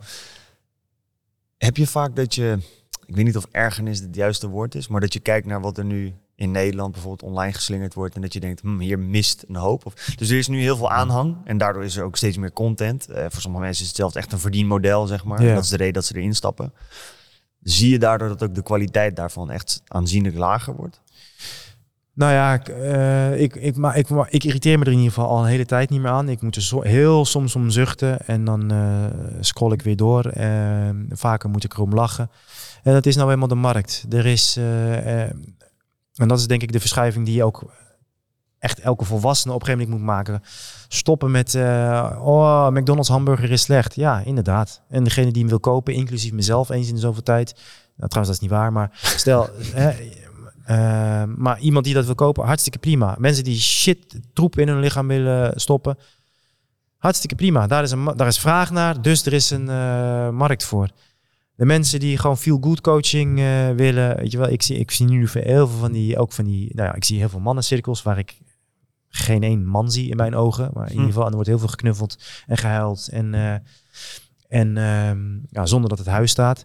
Ik zie heel veel vrouwencirkels, waar ja, ik moet er gewoon om giechelen, weet je, ze zijn zo blij en dan doen ze cacao drinken met elkaar en er gebeurt voor de rest eigenlijk helemaal niet zoveel. Hartstikke prima, weet je wel, dat is gewoon eh, echt hartstikke, hartstikke prima. Eh, vraag en aanbod. Dus nee, ik stoor me er niet aan. Ik denk zelfs dat het gewoon eh, goed is. En of dat nou gaat over coaching, over voeding, over personal training. Ehm, er zijn mensen die zijn eh, heel blij met shit. En die vinden kwaliteit duur. Wat ik zeg is, goed eten is duur. Goedkoop eten is nog duurder. Een goede coach is duur. Een goedkope coach is veel duurder. Maar nogmaals, ieder, eh, ieder zijn eigen ding. En dat is het mooie van, eh, van marktwerking. Eh, is, wordt er veel shit aangeboden? Ja, eh 80% shit. 80% van het eten is shit. 80% van de coaching is, eh, is shit. Ja. Ja, zeker waar. Ik ben nog wel benieuwd, Tibor. Ehm, heel veel onderwerpen die we nu aankaarten, zie je wel eens terugkomen in specifieke boeken of personen. Eh, zoals we net al zeiden, bijvoorbeeld een Marcus Aurelius of wat je net noemde over de schat en de draak. Dat is ook wel een metafoor wat Ja, bijvoorbeeld een Jordan Peterson vaak benoemt. Ja, en hij heeft dat gewoon weer van... eh, Weer van Jung eh, waarschijnlijk, Ja, ja, ja, van. Jung. Hero with a Thousand Faces. Precies. Natuurlijk... eh, ja. En zijn dit dan ook boeken waarvan je zegt van nou, als je tussen de 20 en 30 jaar bent, ga die dan ook echt lezen om een breder perspectief van het leven te krijgen? Of zeg je van Ja, het kan absoluut... Dat kan, het gaat je echt niet slechter maken. Nee, Maar het kan niet op tegen, helemaal al voor de jongens die nu zitten te luisteren, drie, vier keer in de week keihard trainen. Verdiep je in voeding en gewoon 40, 50 uur per week eh, hard werken. En voor de rest, doe alsjeblieft leuke dingen. Spreek af met leuke mensen. eh, ja, en zorg dat je gewoon goede dagen hebt. En eh, lezen, ontzettend belangrijke eigenschap. Maar ik ben heel, ben, ben ik serieus. Elke ochtend 10 minuutjes lezen, elke avond 10 minuutjes lezen. Zou, super, super gaaf als je dat, eh, als je dat doet. Mhm. Ik heb zelf nu helemaal ontdekt eh, met de e-reader en Audible erbij. Oh ja. Dan kan ik snel lezen ook. Dus Oh dan ja. kun je snel opnemen. Dus Ja. dat is voor, voor mensen die zeggen van ja, als ik 10 minuten lees, ik lees Ja, langzaam, dus dan duurt het en lang. de tekst en de audible zet je Ja, versneld aan. en dan zet ik hem op drie keer snelheid of zo. En dan Oh ja. moet je er wel bij blijven. Maar dan Ja. kan ik ook kan ik in een week een boek lezen. Ja. Want als ik gewoon zelf ga lezen, dan Ja, kom ik daar slim. niet aan. Dat is leuk man. Ja, ja dat is, eh, dus misschien zijn er mensen die daar wat mee kunnen. Het laatste waar ik wat dieper om in wil gaan is het stukje hard times. Ik ben namelijk heel benieuwd of jij van mening bent dat we nu in hard times verkeren. Nee, nog, nee, nee, nee, die komen er echt aan. En Nee, hoe ziet dat eruit? Wat maakt dat er nu hard times aan zitten te komen? Waarom was dat niet omdat tien jaar nu de mannen zwak zijn. Ja. En zwakke mannen veroorzaken hard times. Dus we zitten nu in de cyclus van, nou ja, let, letterlijk, hè? dus je kan het ze bijna niet kwalijk nemen. Als je op straat kijkt, gewoon testosteronloze jochies tussen de 20 30. Je kan gewoon aan het lichaam al zien, aan de vetopslag. Ehm, er zit geen spoortje testosteron in. Eh, en je ziet het aan het gedrag. En je ziet het aan opmerkingen als, eh, ach ja, het gaat niet, eh, het gaat niet om winnen. Ik hoop dat ik, ja, als, als ik word la- lastiggevallen, dan hoop ik gewoon dat het goed komt. Geweld is nergens voor nodig. Dus zwakke, richtingloze mannen. Dan heb je ook weer die hele trend die dan dus en zwak is. En dan vervolgens heel veel ayahuasca, ademwerk. En in ja, een ijsbad vind ik dan nog best wel een beetje pittig, zeg maar. Maar Mm. nog meer zachtheid gaat, gaat opzoeken. Een zwakke man heeft nog steeds eh, behoeftes, wil nog steeds neuken, wil nog steeds geld. Dus eh, als je ook in de archetypes van Jung gaat kijken, dan zie je dat het zwakke prinsje heeft, ehm, heeft twee opties eigenlijk om te krijgen wat hij wil. Ehm, de ene is manipuleren. En de ander is met zijn vuistje op tafel slaan. Op terwijl hij in zijn, in zijn hoge, hoge stoeltje zit aan tafel. En met zijn vuistje op tafel slaan dat hij, dat hij ergens recht op heeft. Dus die slaat met zijn vuistje op tafel en die zegt tegen zijn meisje: Ja, maar ik heb er recht op dat we seks hebben. Want weet je hoeveel, weet je, weet je hoeveel moeite ik heb gedaan? Nee, je mag het nu niet uitmaken. Weet je wel hoe vaak ik de kinderen naar school heb gebracht? Whatever. Dat is, dat is de ene schaduwzijde. En de ander, als je dus zwak bent, dus je hebt geen vermogen, je hebt geen aantrekkingskracht, je hebt geen netwerk, je hebt al die zaken, du- du- dus je hebt geen vermogen in de breedste zin van het woord. En je wil, ja, dan zal, dan zal je dus dan zal je moeten roddelen. Dan zal je eh, mensen eh, moeten gaan manipuleren, onder druk zetten met, met, met, met trucjes, enzovoort, enzovoort, enzovoort. Als zometeen, eh, hè, veel mensen zeggen, zijn, eh, als je traint ben je extreem rechts. Als je een krachtige man bent, dan ben je gevaarlijk. Hm. Eh, mijn antwoord daarop is, wacht maar tot zometeen, want ze zijn er nu al in overvloed, maar tot zometeen alle macht in handen is van zwakke mannen. Niet van sterke mannen, maar van zwakke mannen met een eh, computertje. Dan, dan komen er hele, heel erg zware, zware tijden aan. En als er dan onrecht komt, er komt, eh, en we hebben dat eh, gezien een paar jaar geleden, maar er komt onrecht keren. Ik bedoel, het is zo dichtbij. Wat er in Australië is gebeurd tijdens de pandemie. Het is niet te bevatten. Ge- gewoon, gewoon letterlijk gevangenissen gewoon voor burgers. Nou, laat staan nog eventjes van China, waar, waar eh, wat, wat zeg maar de, de, de WEF speeltuin is. En eh, wat een voorloper is van wat alles wat eerst in Amerika en daarna in Europa gebeurt. Maar als er dan onrecht naar ons toe komt, ja, wie gaat er dan, wie gaat er dan staan? Ja, niemand meer. Want eh, als je de vrouwen en kinderen wil pakken, wat je nu via die genderideologie en seksualisering ziet gebeuren, langzaam maar zeker. Ja, wat heb je dan door de hele geschiedenis heen eerst te doen? Ja, de mannen uitschakelen. Vroeger moest dat, eh, waren dat sterke mannen, dus dan moest je force en force, moest je dan, ja, dat was best wel een ding. Nu, eh, ja, testosteron is, zit op onder de 50% ten opzichte van 50 jaar geleden eh, in, in jullie generatie. Los van de ziekte, disbalansen, hormoonverstoringen die we hebben. Afname aan spierkracht, aan spiermassa. Verwarring die steeds meer ook wordt veroorzaakt vanuit het systeem. Dus je krijgt zwakke, richtingloze en dus manipulerende volgende mannetjes, jochies eh, krijg je. Nou, die, gaan, eh, die gaan hele zware tijden veroorzaken. Dus die komen er nog aan. Dan eh, mijn laatste vraag erop is wel van... Testosteron gaat straks niet, omdat het nu een moeilijke periode is... straks in één keer weer omhoog. Dat blijft dalen, blijft dalen. Ja. Worden de periodes dan ook niet alleen maar moeilijker en moeilijker? Voor de massa wel. Dus tegelijkertijd, het is een gemiddelde. En het gemiddelde moet je altijd zien is het resultaat van 80%. Hè, de Pareto-principe ontsnap je niet aan. Ik doe dit altijd als ik een grote zaal heb. Dan vraag ik, eh, ik kan verschillende dingen vragen. Hoeveel horloges heb je? Of hoeveel paar schoenen heb je? Hoeveel keer neuk je per week? En eh, dat is bijvoorbeeld een hele leuke. Als je meer dan één keer per, eh, per week neukt, mag je gaan staan. Nou, gaat uit, uit, uit angst gaat sowieso al iedereen staan. en dan zeg ik, nou, als het meer dan drie keer is, dan mag je blijven staan, anders moet je gaan zitten. Hetzelfde kan je, met geld doen. Wie wiens vrije vermogen is op dit moment eh, meer dan een ton, ga maar staan. Weet je wel? Nou, dan gaan trouwens maar heel weinig mensen staan. En dan doe je steeds een stapje omhoog. En dan op een zaal van duizend man kom je dan erachter. Oké, het gemiddelde vrije vermogen in deze zaal is 20.000 euro. En we hebben hier vijf mensen staan. Die hebben een gemiddeld vermogen van 10 miljoen euro. Waardoor het gemiddelde vermogen van de hele zaal is geen 20.000.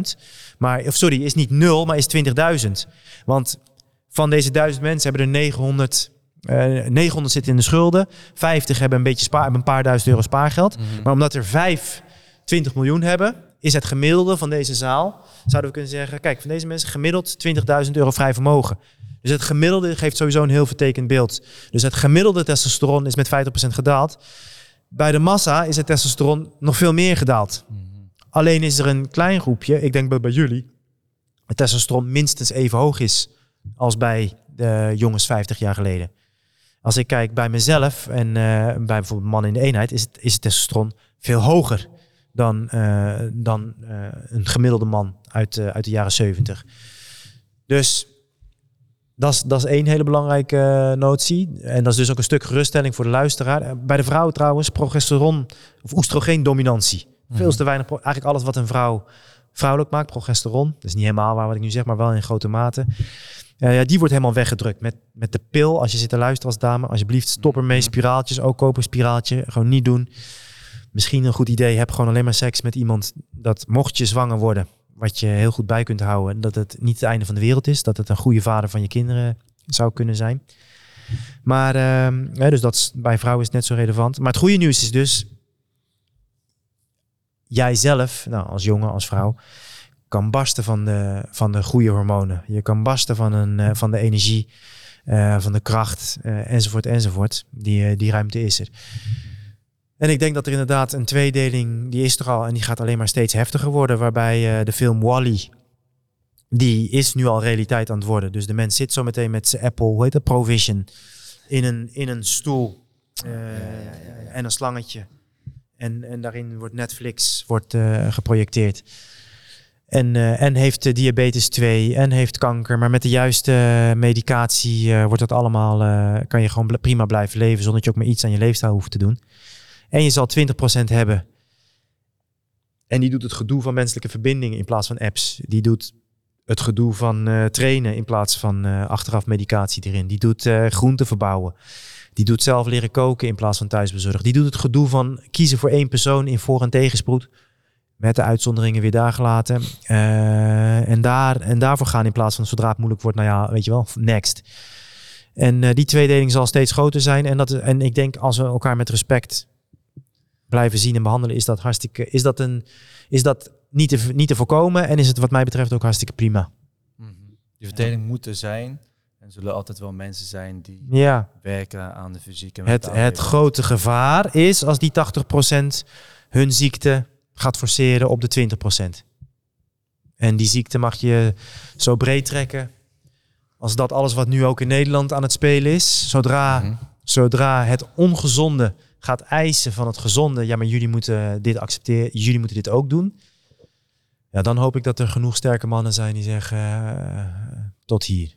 Maar dat, ja. dat is toch ook wel in principe de wet van massa. Als je een hele grote groep hebt, gaan ze toch uiteindelijk druk uitoefenen op de kleinere groep. Ja, alleen blijkt dus in de praktijk tijdens de Tweede Wereldoorlog zat minder dan 3% van de Europeanen zat in het verzet. Dit uh, heb, ik, heb ik laatst uh, ontdekt. En je ziet eigenlijk bij elke grote revolutie, nou dit is dus een hele grote en, en zij hebben letterlijk, anders hadden we nu, hadden we nu Duits gesproken zeg maar. Dus die, die, die 3% heeft letterlijk de wereld veranderd. Mm. Als je kijkt naar uh, ondernemers, tech, start-up land, dan zie je dat ook continu. Een, een, een, gigantische minderheid. Dit is wel een mooie om mee af te sluiten, inderdaad. De illusie van de bepalende meerderheid. De illusie van de bepalende massa. Het is namelijk een illusie. Wat namelijk de realiteit is, is dat de massa gevormd wordt voor weer 80% mensen die er gewoon niet zo mee bezig zijn, allemaal. Dus tijdens de pandemie en het gezeik met mondkapjes en avondklok en, uh, enzovoort. Je had de, de, de, de mensen die zichzelf wappie noemden of uh, zo werden genoemd, die wakker waren en ontzettend boos waren, waaronder ik ook in het begin. Je had de mensen die ontzettend boos waren op de mensen die geen mondkapje droegen, door jou gaat mijn oma dood enzovoort. Dat, was, dat waren twee hele kleine minderheden. 80% van de massa had zoiets van, het zal allemaal wel. En dat het is niet zo dat 80% van de Duitsers Hitler steunde. 80% was gewoon te druk met boodschappen doen. Shit, uh, en morgen mijn baas is vervelend. Ik vind dat ene meisje leuk. Die was gewoon met andere dingen bezig. Dus het is een illusie om te geloven dat de massa bepaalt. Het is altijd een minderheid die bepaalt. En dit is dus ook het, het, het, het echt het goede nieuws op zoveel uh, fronten. Als, als jij als minderheid die anderen blijft opzoeken, die like-minded, samen trainen, samen ondernemen, samen dingen bouwen, eh, waar uh, plek is voor waar iedereen in principe welkom is, dan kan je dus letterlijk de wereld eh, veranderen. Als je kijkt naar eh, Apple, de early adapter, eh, eh, de eerste iPhone, dan was een heel klein groepje die dat ging doen, weet je wel, die meteen daar 's ochtends stond te wachten bij de, eh, bij de stores, weet je wel, en dat ding kochten. En vervolgens hobbelt de massa erachteraan. Dus ik denk dat dit een positieve noot is om mee, eh, mee te eindigen. Dat eh, de bepalende massa is een eh, illusie. Het is altijd een minderheid die bepaalt als die minderheid één, zijn eigen shit op orde heeft. En twee, vanuit die positie actief de verbinding opzoekt met de rest. En dan vervolgens een groter geheel probeert te dienen. eh, dan kan je de wereld eh, beter veranderen. Voor het, voor, richting het goede veranderen. Ja, mooi. mooi. Ja. Ik denk dat Dankjewel. dat eh, perfect aansluit bij eh, wat eh, zowel Miro als Jur hier ook Ja, proberen man. neer te zetten. Gaan Precies. neerzetten. Wat je doet met de nieuwe lichting. eh, met de nieuwe, hoe heet het ook weer precies? Eh, Code 49, Code landgoed. 49, ja. Mooi om te zien. Ik eh, ben heel benieuwd waar het allemaal naartoe gaat leiden. Ja, ja nou, waarschijnlijk spreken we over, over een jaar spreken we elkaar weer. Ja, Met alle updates. ja precies. Dank jullie wel. Tibor, dankjewel. Dankjewel. Tot de volgende.